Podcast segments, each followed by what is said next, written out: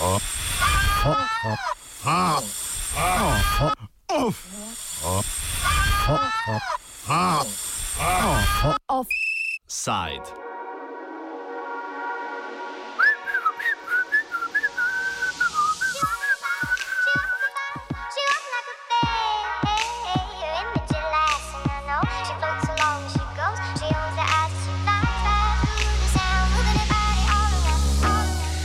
Leta je preteklo od izbruha afere LuxLeaks. V tem času pa smo bili priča še več razkritjem davčnih utaj in drugih nepravilnosti, na zadnje aferi Rajski dokumenti. Po teh aferah so se tako v javnosti kot v politiki začele formulirati zahteve po večji zaščiti žvižgačev. Pozivi, pozivi k eh, vzpostavitvi evropske zakonodaje o žvižgačih so se pojavili eh, oziroma začeli pojavljati še posebej po dolgotrajnem sodnem procesu proti Antoinu Deltorju in Rafaelu Aleju, žvižgačema afere LuxLeaks, ki ga je javnost množično obsojala. V tokratnem offsajdu se posvečamo situaciji žvižgačev v Sloveniji in eh, razvoju zaščite žvižgačev na evropski ravni.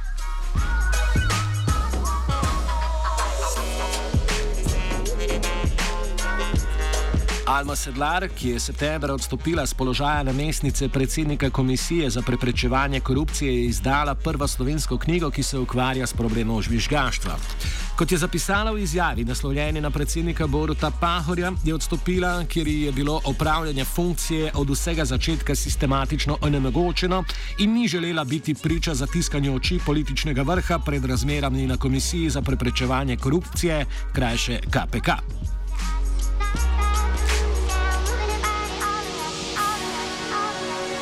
Prav KPK je pri nas tisti organ, ki je po zakonu o integriteti in preprečevanju korupcije pooblaščen za zaščito žvižgačev. Na mednarodni ravni namreč, kot opozarja Alma Sedlar, univerzalna definicija žvižgaštva ne obstaja. Še ne obstaja univerzalna definicija tako ne žvižgačev in zaščite žvižgačev, kot ne korupcije. Tako da nekako se to s prakso predvsem vedno bolj približuje nekakšni univerzalni definiciji, če govorimo o žvižgačih, predvsem tega, kdo je žvižgač in pa katere vrste um, razkriti naj bi, bili, eh, naj bi bile zaščitene. Uh, tukaj pač mednarodne organizacije, predvsem z področja preprečevanja korupcije in boja proti korupciji, posameznim državam priporočajo naj predvsem z zakonodajo uredijo to zaščito žvižgačev, ampak kako naj jo uredijo in kateri žvižgači naj bodo zaščiteni, pa tudi za katere vrste razkriti, pa prepuščajo vsaki državi posebej. V mednarodnih konvencijah so okviri za zaščito žvižgačev le ohlapno definirani. Pri žvižgačih je pač preprosto v teh mednarodnih konvencijah in priporočilih je uh, nekako že opredeljen vnaprej sistem teh razkritij ali pa nepravilnosti, ki so pač dovolj velike, da veljajo za ogrožanje javnega interesa. Ob korupciji, pa recimo ob prevarah ali pa goljofijah, so to naprimer tako na čez prst, ne čez palec, uh, slabo upravljanje, neupravičena poraba javnih sredstev, potem ogroženost uh, varnosti hrane, ogroženost uh, javnega zdravja, uh, pa mislim, da uh, velika nevarnost za ekologijo, za okolje. To so nekako te glavne stvari, ne, za katere naj bi si žvižgači pač bi morali dobiti zaščito. Zakon o preprečevanju korupcije je stopil veljavo leta 2010 in vsaj na formalni ravni dobro ščiti žvižgače, ker Načeloma zagotavlja zaščito za žvižgače v javnem in zasebnem sektorju, kar ni prav pogosto. Še vedno večina držav ureja sam pretežno zaščito žvižgačev v javnem sektorju in pa potem, ker dovoljuje recimo eh, razkritje tudi me- medijem oziroma v medijih. Res pa je, da pač ta naš zakon pač posebne zaščite za razkritje v medijih sicer ne predvideva, ampak ne prepoveduje te zaščite, kar je tudi zelo pomembno. Toda Alma Sedlar ugotavlja, da dodični zakon žvižgačem služi le v nekaterih primerih. Zaščito žvižgačev kot področni zakon ureja zakon o integriteti in preprečevanju korupcije, ampak tu gre v glavnem za zaščito žvižgačev, ki pristojni organizaciji, to je lahko KPK, lahko je tudi policija, tožilstvo ali pa drugi pristojni organi, prijavi sum korupcije. Skratka, ni pa nekako urejena zaščita drugih nepravilnosti. Nekako delno je še urejena zaščita za žvižgače oziroma za bančne uslužbence, ki bi uh, ugotovili nepravilnosti pri bančnem poslovanju in o tem obvestili banko Banko, Slovenijo, Banke, Banko Slovenije. Njih je recimo Banka Slovenije pač tudi dolžna zaščititi po zakonu o bančništvu, ampak ne vemo, kako je z implementacijo na tem področju. Skratka, zadeve pri nas so par, nekako parcialno urejene, še ne zadostno. Za zadostno ureditev bi res potrebovali samostojno, zaš, samostojno zakonodajo o zaščiti, ki bi urejala zaščito bolj celostno. Zaenkrat pa je za tiste, ki prijavijo korupcijo, reče se jim v zakonu prijavitelji, ne žvižgači, pristojna komisija za preprečevanje korupcije. Tako zastavljen zakon je lahko problematičen, ker. Ni nujno, da je dejanje nezakonito, pa je lahko vse svinjarija, pa je vse fino, da pač vem, so pristojni organi obveščeni. Ne, ne reče se recimo, da žvižgači opozarjajo na nezakonitosti, ampak na sume nepravilnosti v javnem interesu. To je ta razlika.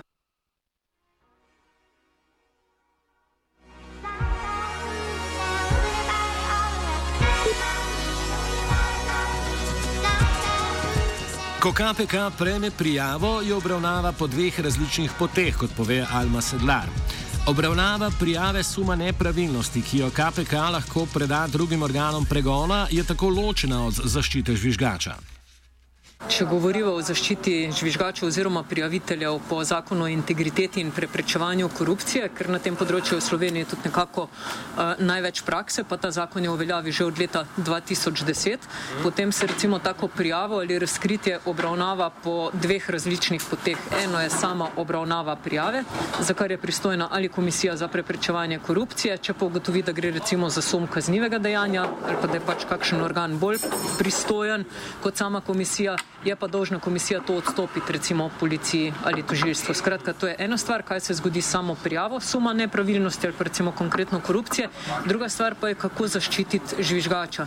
Ponavadi je v praksi v Sloveniji tako, da se predvsem zaščiti identiteto žvižgača. Uh, to se naredi na način, da pač ne vem, ko en žvižgač oziroma prijavitelj se recimo obrne na komisijo za preprečevanje korupcije in pove, da ne želi razkriti svoje identitete, dobi pač uh, kodno ime. Tako da praviloma nihče ne ve, za katerega žvižgača recimo gre, kdo je to in tudi komisija ne bo pač nikoli razkrila uh, njegove identitete. To bi bila dolžna narediti samo v primeru posebne zahteve sodišča pod res posebnimi pogoji, do katere pa še ni prišlo v smislu, da bi komisija kdaj razkrila identiteto. Skratka, to je zelo pomembna komponenta zaščite. Uh, potem pa so seveda še druge, ko pa recimo žvižgač, ki opravi prijavo, pa naprimer delodajalec ugotovi, da ga je prijavil, da je bil pač on ta posameznik tisti, ki je upravil neko prijavo suma nepravilnosti in se začnejo povračilni ukrepi, to je običajno znotraj organizacije zopr posameznega žvižgača, takrat se pa lahko tak žvižgač, ki je pač prijavil sum korupcije, komisiji za preprečevanje korupcije obrne na komisijo in zaprosi za zaščito in komisija potem odloči, pač ugotovi, ali obstaja tako imenovana vzročno-posledična povezava med prijavo suma nepravilnosti in pa med povračilnimi ukrepi. Povračilni ukrepi proti žvižgačem največkrat obsegajo šikaniranje in diskreditacije. Največjo vlogo pri tem pa igrajo mediji, ki o razkritjih poročajo. Je pa ogromno šikaniranja, diskreditacij, mobbinga. Je pa zanimivo tudi, da v Sloveniji, ker se pač tako, doslej se je tako malo govorilo o žvižgačih, tudi mediji so relativno ne prav najustrezneje doskrat poročali, recimo žvižgača ne prepoznajo kot žvižgača in posledično tudi ne poročajo na ta način o njem, kar ima tudi svoje posledice. To vrsten primer medijskega poročanja je zgodba o izgradnji negovalnega dela Lamprehtovega doma v slovenskih konicah. Ministrstvo za delo je v letih 2007 in 2008 v novogradnjo vložilo 4,7 milijona evrov, pri čemer je takratna direktorica doma Valerija Lesjak opozarjala na gradbene napake in sum zlorabe položaja skrbnika investicijske pogodbe z Ministrstva za delo. Ta naj bi podjetju Kongrad, ki je gradbena dela izvajalo, omogočilo protipravno izkoriščanje z 280 tisoč evri iz državnega proračuna. Valerija Lesjak, ki mandata direktorice zaradi domnevnega nezadovoljstva z njenim delom niso podaljšali, je bila ob opozarjanju na nepravilnosti v medijih deležna diskreditacij. Več o tem Alma Sedlar. Problem je, da nihče ni prepoznal, da je žvižgačica. Vse so v določenem obdobju so mediji o tem veliko poročali, pa kar nekaj poročil je bilo tudi korektnih. Ne? Ampak tu bi bilo tudi mogoče enkrat zanimivo raziskati, če se bo že delala ta eh, raziskava o žvižgačih oziroma ko se bo, bi bilo zelo zanimivo tudi ugotoviti, a se drugače recimo v medijih, pa tudi sicer znotraj organizacije obravnava ženske žvižgačice od moških. Ne? Ker uh, za nobenega moškega žvižgača nisem v medijih uh, recimo zaznala, da bi kdo pisal, da je tečen, pa da povzroča težave, pa tako naprej, ne? ampak je bilo ono, upozoril je, dal je ovadbo, tako naprej. Pri njej se dejansko uporabljajo take dikcije. Ja, ja, mislim, da se je par takih precej neprijetnih. Je pa zanimiv razplet, ravno pri tej gospe Lesjak, potem uh, po teh njenih opozorilih, pa potem, ko je ona že odšla, pa ko je bila povzročena kar huda škoda, mislim, da je šlo kar za par milijonov. Uh, v tem primeru dom je skoraj razpadal po obnovi, kot se spomnimo, naenkrat tudi fotografije kazala, ne, to je bila res katastrofa, ampak potem se je le začel nekakšen uh, predkazenski postopek. In so lani celo, mislim, da za en dan celo pridržali policisti enega od uslužbencev ministrstva, ki je takrat dal bančno garancijo uh, pač temu podjetju, ki je uh, obnovo pač izvedlo, ampak uh, potem so ga pač spustili naslednje jutro in do danes se ni zgodilo nič. Skratka, mislim, da ta zadeva se je zgodila leta 2008, še prednje bil zakon o zaščiti uveljavi, tako da se gospa niti teoretično ne bi mogla obrniti po zaščito, razpleta pa še do danes zadeva ni doživela. Ne? In tudi to je lep dokaz, kako in ne samo prepoznavamo, ampak kako ravnamo in žvižgači in z njihovimi razkriti v Sloveniji. Lahko KPK v stanju, v kakršnem je, prispeva k preprečevanju korupcije in nepravilnosti. Komisija bo, vsaj upam, ostala v takšni ali drugačni obliki tudi potem, ko sedanjega preostanka vodstva ne bo več. Tako da in je pomembno, da jo imamo in ukinjati jo bi bila največja napaka, bi pa seveda marsikomu ustrezalo.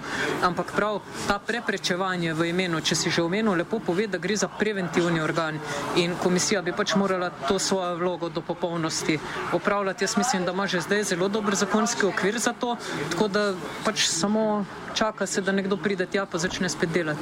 Predsednik republike postavlja vodstvo eh, na predlog državnega zbora, ga lahko razreši v primeru pač nezakonitosti ali kršitve ustave, ampak eh, ta državni zbor v tej sestavi in ta predsednik republike sta se pač so se nekako odločili oziroma je očitno nek tihi konsens, da tega ne bodo naredili, tako da je treba počakati na boljše čase. Včasih se pač mora vse zrušiti, da lahko na pogorišču zraste nekaj novega, boljšega.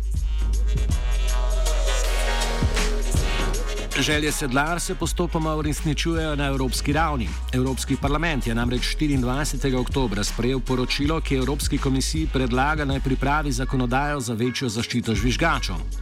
Čeprav je vprašljivo, v kolikšni meri bo ta upoštevala predloge Evropskega parlamenta, je evropski poslanec Igor Šoltes s sprejetjem poročila zadovoljen. Kot povem, gre za predloge, h katerim so evropski zeleni pozivali že dlje časa. No, gre za zelo dobro poročilo Evropskega parlamenta, ki poziva komisijo, da pripravi konkretne predloge za sprejem zakonodajnega okvirja, s katerim bi se ustrezno, pravno pa kvalitetno zaščitili žvižgače na celotni ravni EU, glede na to, da je bila ta pobuda dana že kar nekajkrat, tudi zeleni, katerim tudi pripadamo Evropskemu parlamentu, smo že leta 2016 predlagali uh, besedilo za posebno direktivo, ki bi uredila žvižgače, še zlasti po tistih aferah, ki so izbruhnile od leta 2014 od LuxLeaksa, uh, ki govori o razkriva dogajanje v davčni oazi imenovano Luksemburg in pa potem Panama Papers uh, in ostale, ki so pokazali na to, da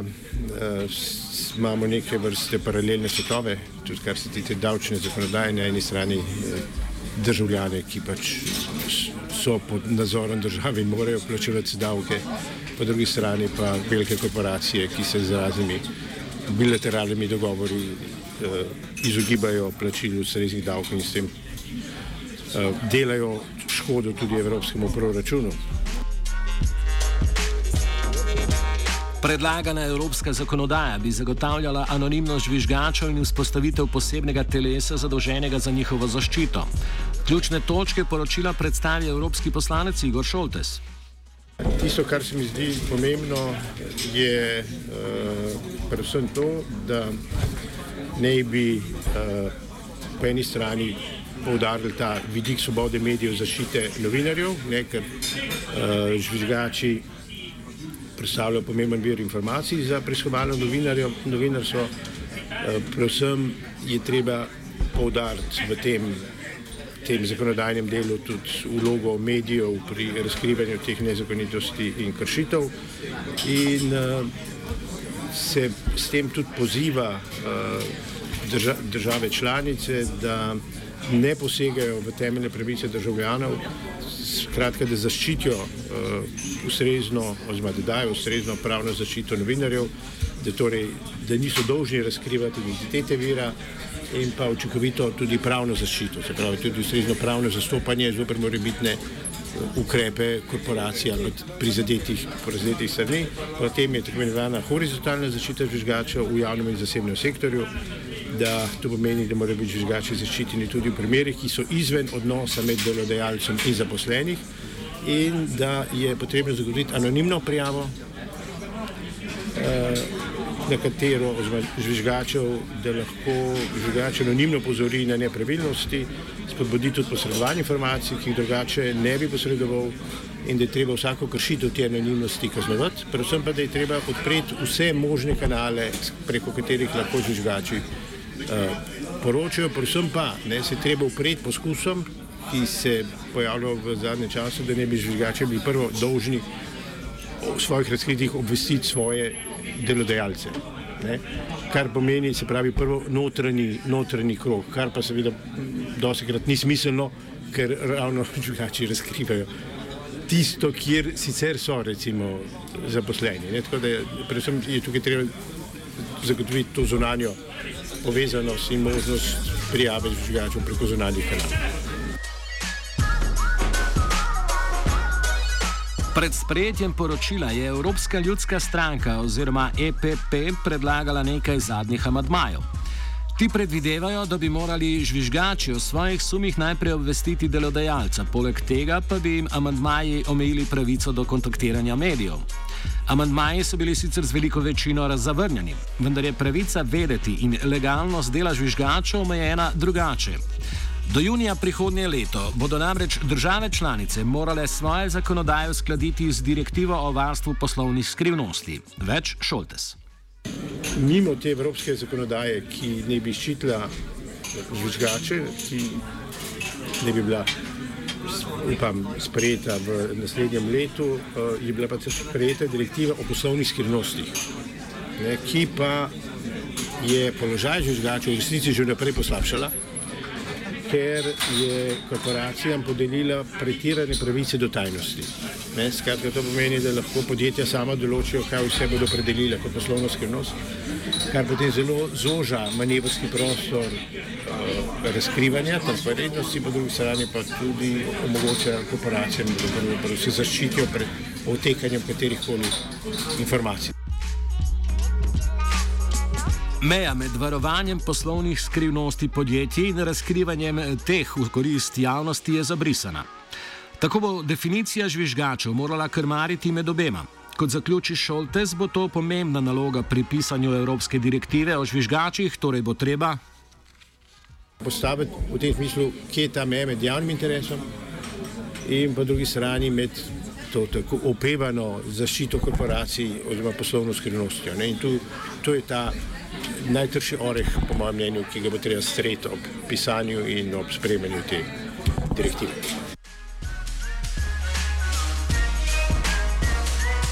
Offside sta pripravila Martin in Zala.